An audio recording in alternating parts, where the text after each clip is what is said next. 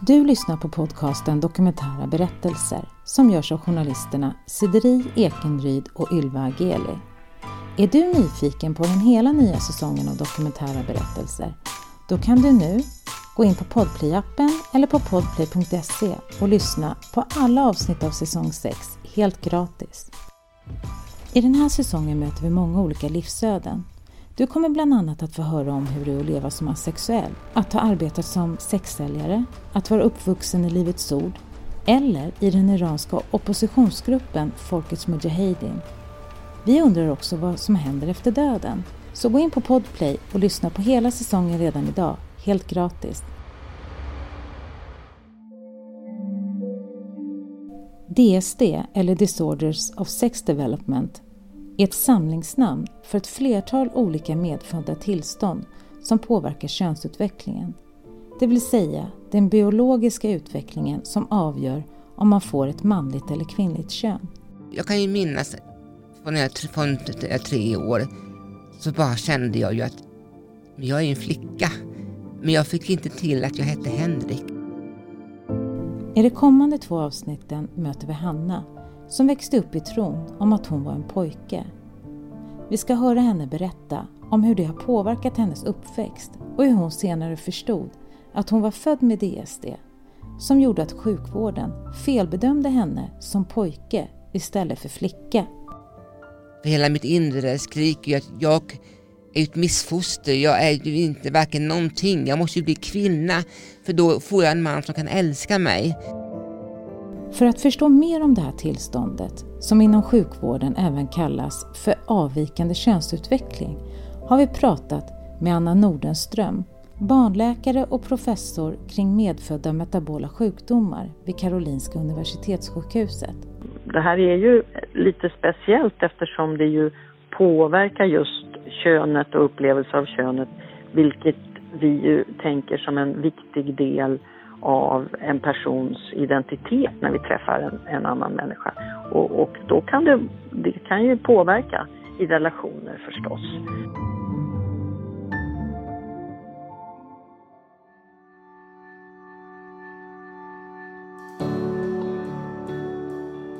Jag kommer från Småland och jag är uppvuxen eh, med min pappa och mamma. Hanna växer upp i den lilla byn Myrsjö utanför Vetlanda i Småland där hennes pappa har byggt ett eget hus till familjen.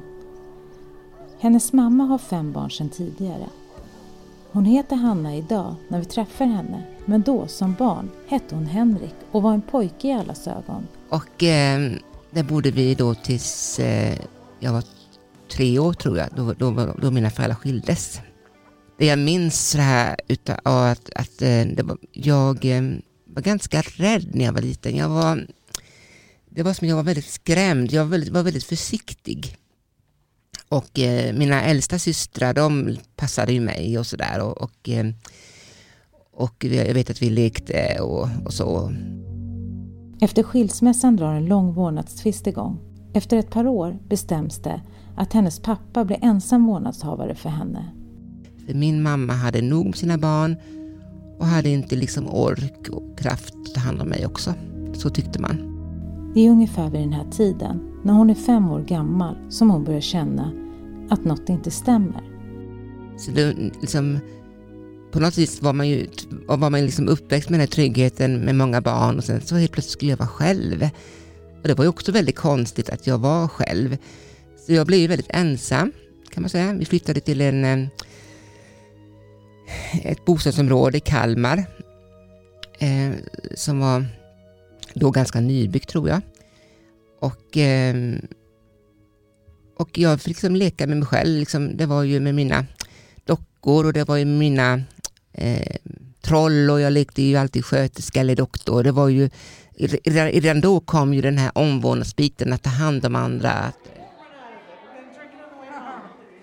Så småningom började hon skolan hon blir retad för att hon som Henrik, som bör se ut och bete sig som en pojke enligt klasskamraterna, blir allt mer feminin. Jag är ju ingen kille, utan jag är ju en tjej. Och mer och mer så liksom, jag, jag vet att jag tog, tog en dörrmatta och virade runt midjan, för jag skulle ju ha en kjol såklart. Och sen började jag ta mammas eh, kläder och liksom, alltså min, min extra mamma då. Och eh, det blev liksom mer och mer. Och när jag också blev, jag var väldigt retad i skolan i alla år.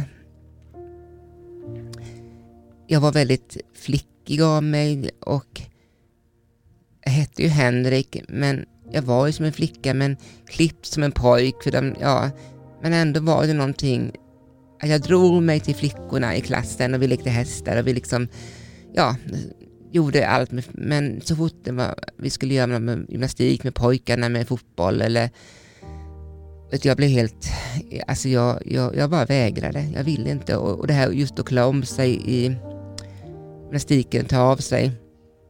Det var jobbigt redan då när jag gick i femman, sexan. Så att jag eh, vägrade klä av mig och de tyckte att jag var jätteäcklig. Att man duschar ju när man har gymnastik. Men jag ville ju inte visa mig, jag ville ju inte skyla min kropp. Och det här blev värre och värre, det blev som ett traumatiskt. Och sen tyckte min magister då, vi hade i fyran, femman, han var väldigt bestämd. Och han eh, psykade väldigt ner mig och jag hade väldigt svårt i skolan. Jag, jag kunde inte prata för det första förrän jag var fyra år. Så jag var väldigt sent utvecklad och eh, hade väldigt svårt i skolan, kunde inte, kunde inte klockan när jag började ettan och jag hade svårt att läsa. Och, så jag fick extra stödundervisning i alla år. Och, eh, jag kände att jag fick verkligen kämpa. Och det också påverkade mig att jag blev en utanför klassen. Ja, men den där människan som går på den där extra, extra fröken hade man då som, som man satt och pluggade med matten och tragglade med svenskan. Och, och engelskan var ju jättesvårt och engelska är svårt än idag. Jag, jag förstår, men pratar, men jag känner att jag är väldigt begränsad och det, och det är att jag haft svårt och inte varit intresserad av språk. Men det är ju, det är ju också en, ett handikapp såklart. Hennes bonusmamma syr kjolar till henne och hemma har hon ett flickrum. Men utåt ska hon vara Henrik och se ut som en pojke. De sa ju, de, de, de, de, pratar ju alla om det här. Så det här var något liksom undermedvetet, att de köpte saker som jag vore en tjej men ändå inte. Alltså, det blev jättekonstigt men samtidigt är jag ju glad att de ändå bejakade det, att jag fick vara flicka, jag fick pyssla med mina dockor, jag fick eh, men det jag irriterade mig med att jag, att jag ville ha långt hår och jag ville ha kläder och, och jag vet att jag klädde ut mammas kläder och gick i hennes högklackade skor, alltså ända långt in jag var i 16 år, 15 år. Så fort hon sprang inte var hemma så på med hennes kläder och gick och jag vet när jag började skolan, eh, jag tror om det var tvåan eller trean, så vet jag en fredag, jag kommer ihåg det så väl att det var en fredag för det skulle vara något speciellt. Vi skulle ha någon speciell dag i klassen och alla skulle vara lite extra fina. Och jag vet att jag raffade åt mammas kläder. Någon kjol och blus och högklackade skor. Och sen så efter jag kom iväg en bit hemifrån så gick jag in på skogsväg vet jag. Och så på med mina andra kläder, och la dem i en påse och så på med mammas kläder. Och så cyklade jag till skolan. Och jag kommer ihåg, jag kommer ihåg fortfarande eh, det var som att släppa en bomb när jag kom till skolan. Alla bara tittade på mig och jag bara liksom inte brydde mig. Och då var du trygg i det? Ja, men sen kom ju då men varför går du klädd så här för? Nej men jag, jag ville gå klädd så här. Det är jag. Och du, och du vet ju, och då var ju det här, jag vet inte om man, om, jag vet inte om man sa bög eller så, men gillar du killar säger jag, ja du vet pojkar kan säga. Men jag vet, jag vet att någon sa, men hon, han är ju som en tjej. Han är ju som en tjej. Och så vet jag, jag hade en kompis som hette Jessica vi var, bäst, vi var väldigt nära kompisar och hon var som en extra syster till mig och vi var väldigt tajta. Och liksom vi, vi umgicks jämt och vi lekte alltid, vi var ju som systrar. Och ja, jag vet att hon sa också flera gånger, du är som min syster, sa hon. Hon hade bara, hon hade bara bröder. Så jag fick vara hennes stora syster, hon var ett år yngre än mig. En lärare ringer hem till föräldrarna och berättar att deras barn har kommit klädd som en flicka till skolan och sa att när jag kom hem så fick jag stryk. det var ju väldigt mycket stryk jag fick. Om jag inte skötte mig, om jag inte kunde läxan. Det var väldigt mycket... Eh, idag är det, idag är det misshandel jag fick genomgå. Så att jag visste ju att jag kommer få ett helvete när jag kom hem. Det var med mattpiskan. Man drog ner byxorna på mig och la mig på knät och så piskade man. Så jag kunde ju vara blodig. Jag kunde inte ens ligga ibland. Alltså efteråt så kan jag förstå att jag inte... Jag vet att jag skrek många gånger, ni slår ihjäl mig, ni slår ihjäl mig. Det kommer jag ihåg. Men jag sa, på den tiden så som barn så visste man ju inte att man kunde anmäla eller våga säga någonting. Men man, man dolde ju det, man sa ju ingenting. När kom man på att du hade DSD? Det här kommer ju väldigt sent in i puberteten faktiskt. Utan det här liksom ända fram då jag flyttade till pappa när jag var fem år och när jag var skolan och lekis så, så, så är jag ju som en flickpojk. Eh, leker med flickor och sådär. Det här uppdagades i mitt inre när jag är 11-12 år ungefär.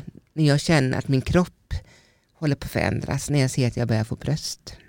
När du föddes på BB den dagen och när din mamma låg inne på BB, fanns det några misstankar eller diskussioner kring vilket kön du hade? Vad jag förstår efteråt, vad jag fått till mig, eh, så, så, eh, så trodde man ju först att jag var en pojk, för jag hade ju som en förlängd klitoris. Alltså jag hade som en, en, en, en, eh, en snopp fast, fast, fast, fast en förlängd klitoris som man kom på senare. Och med blotta ögat så kanske det såg ut som en snopp, men det var ju senare visade det att det var ju liksom en, eh, en förlängd klitoris istället. Och det var ingenting man tänkte på sen när du blev äldre, tre, fyra, fem, sex år? Vad jag fått till mig i journalpapperna som jag fått till mig är att någon gång vid åtta, nio månader så får man då på något sätt så ja, på någon anledning, på någon undersökning, på sådana här återbesök på barnläkaren så, så, så finner man ju att det är en missbildning. Men om man gjorde kromosomtest och det här då, det kan jag inte svara på, det har jag inte kunnat se innan papper. Men, men eh, vad, jag, vad jag förstår så får mina föräldrar reda på att jag är född eh, mer som en hemmafrodit kan man säga. Men eh, de hade ju döpt mig till Henrik. Jag, jag föddes väldigt liten, jag var 800 gram bara när jag föddes. Jag var väldigt liten bebis. Och jag, eh, på den, jag hade också gulsot och, eh, och på den tiden vad jag förstår så var det ganska svårt att, att klara barn så tidigt födda så att jag fick ligga också i Jönköping på en eh, neonatalavdelning. Så att eh, det kom nog lite längre fram och med mina föräldrar la locket på, för det här kom ju aldrig fram. Enligt Socialstyrelsen föds det omkring 20 barn per år i Sverige med DSD. Vi ber Anna Nordenström berätta mer om vad tillståndet innebär. Hon är barnläkare och professor vid Karolinska Universitetssjukhuset. Ja, DSD det är en förkortning på Disorders of Sex Development eller Differences in Sex Development och vi har valt i Sverige att också använda den förkortningen.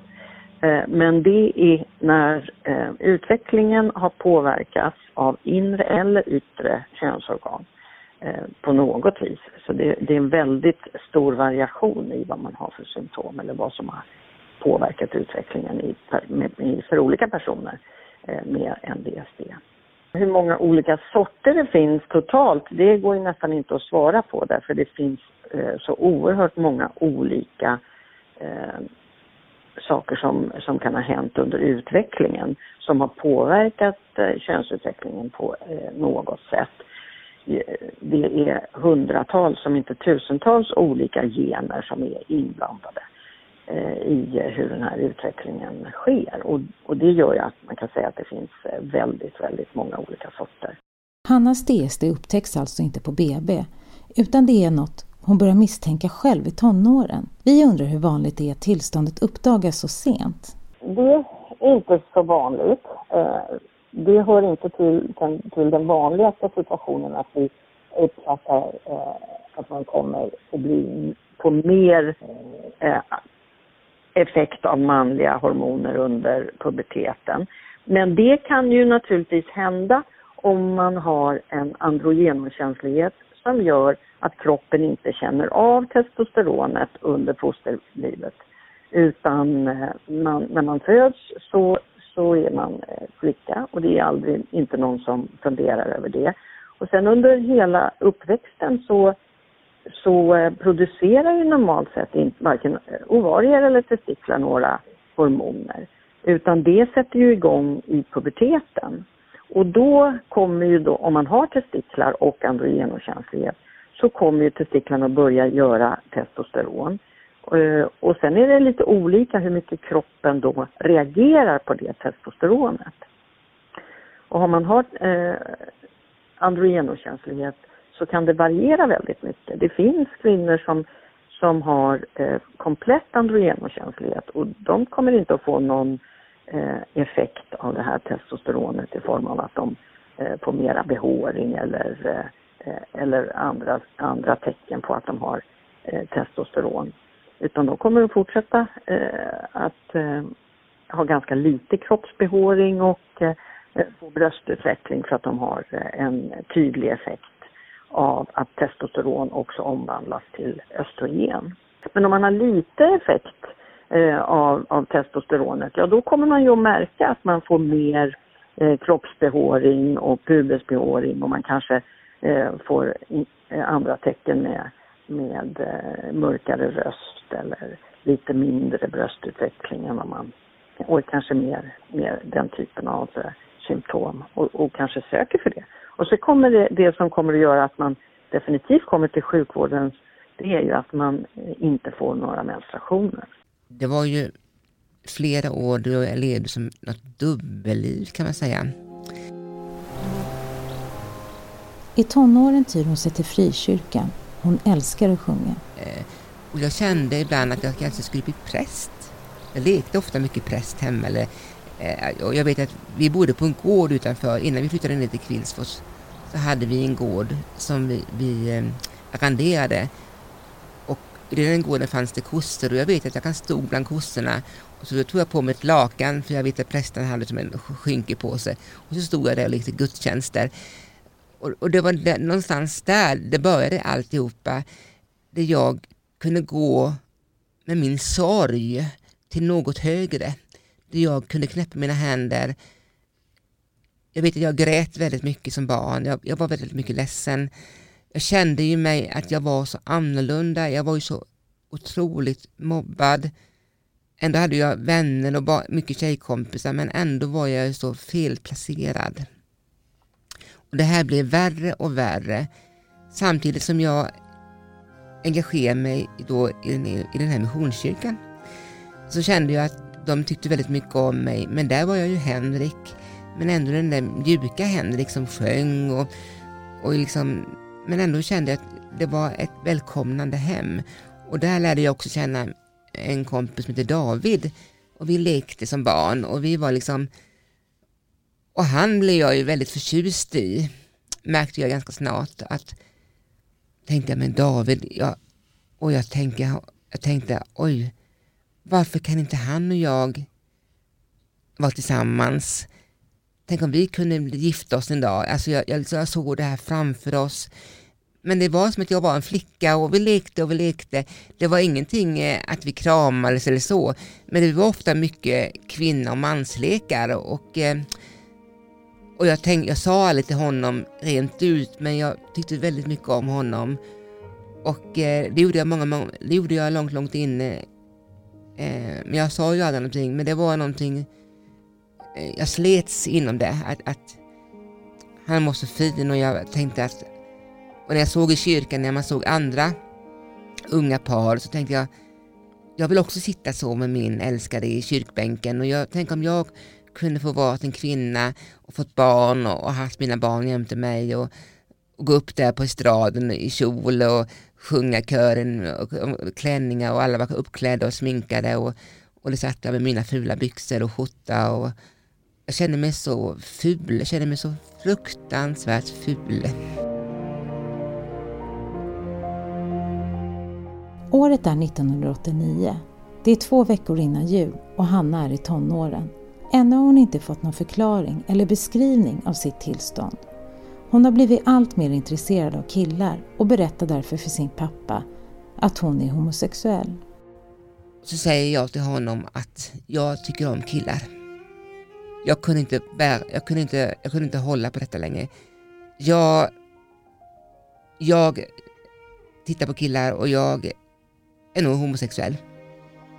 Jag trodde ju det, för jag, jag tänkte, jag är väl en pojk men, men jag, hade inte, jag hade inte hittat min sexuella identitet. Jag hörde på skolan, de bara pratade pojkar och, och de, jag sov på duschen och alla liksom Fast mitt organ växte ju inte och som alla andra pojkar och jag, tittade, jag tänkte så här, det blev jättejobbigt samtidigt som det var intressant då att se andra nakna killar och se hur de blev män.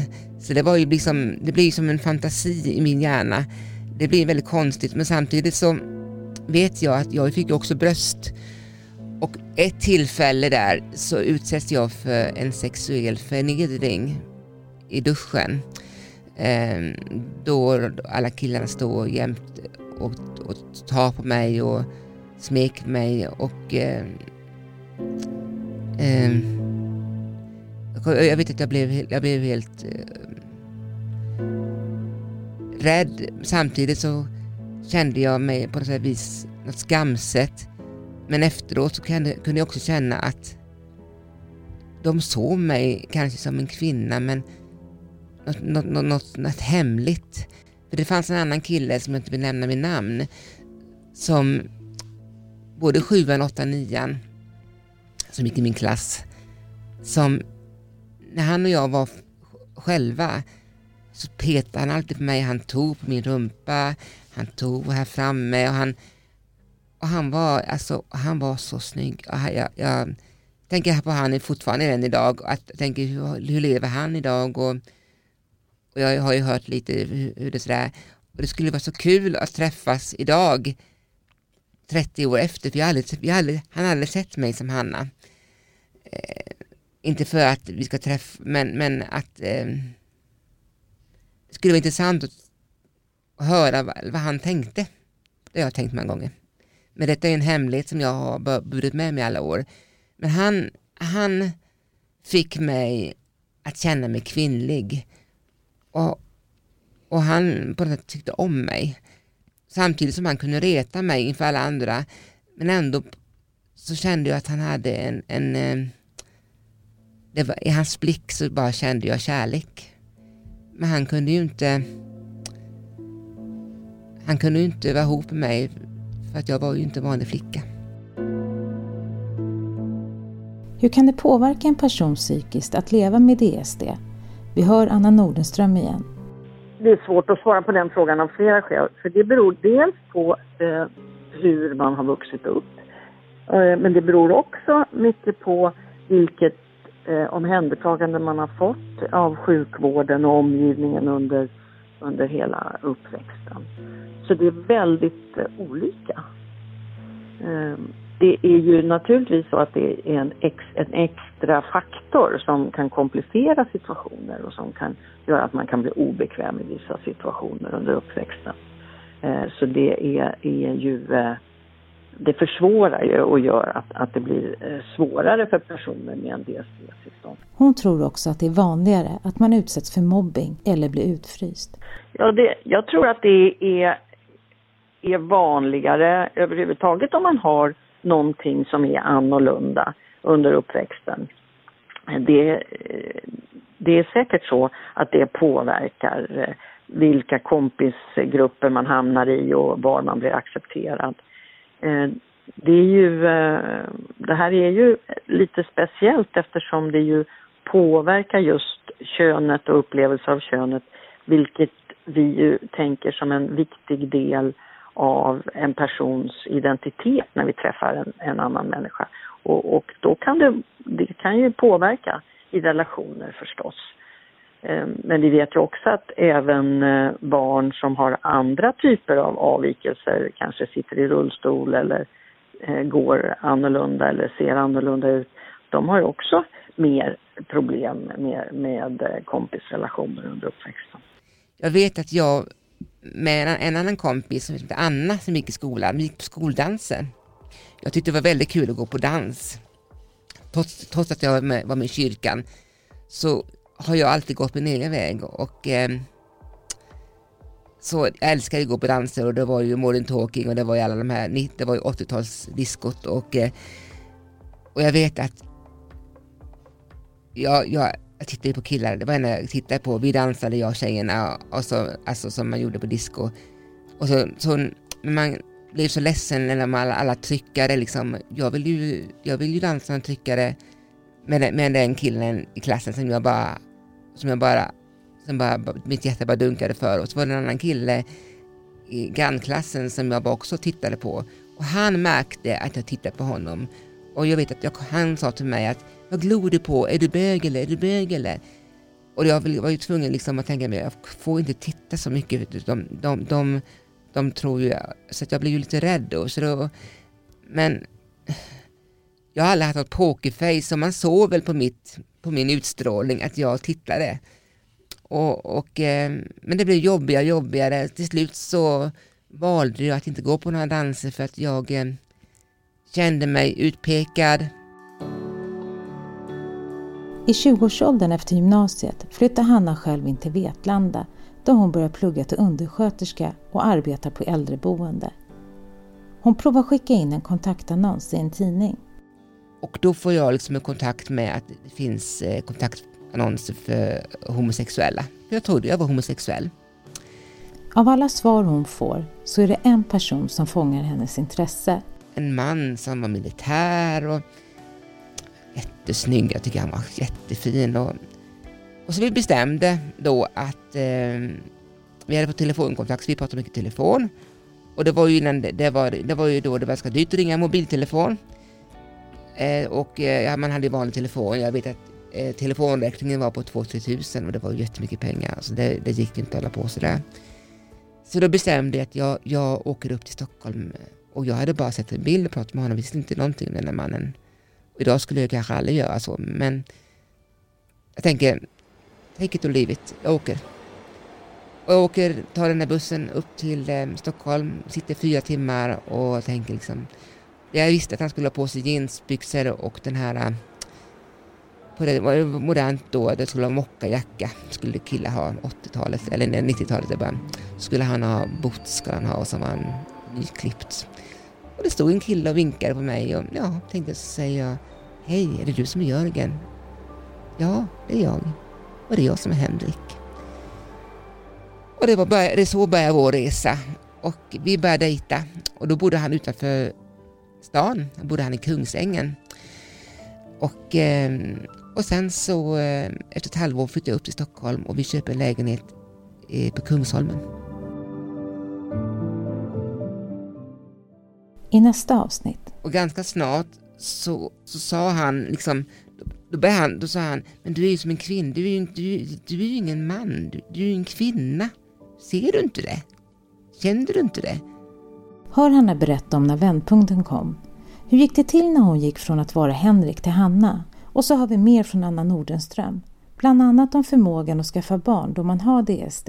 Ja, det, det, det är vanligare att man har en, en sån situation om man har ett e DSB-tillstånd. Avsnittet finns tillgängligt redan nu på Podplay där du redan nu kan lyssna helt gratis på hela säsong 6 av Dokumentära berättelser.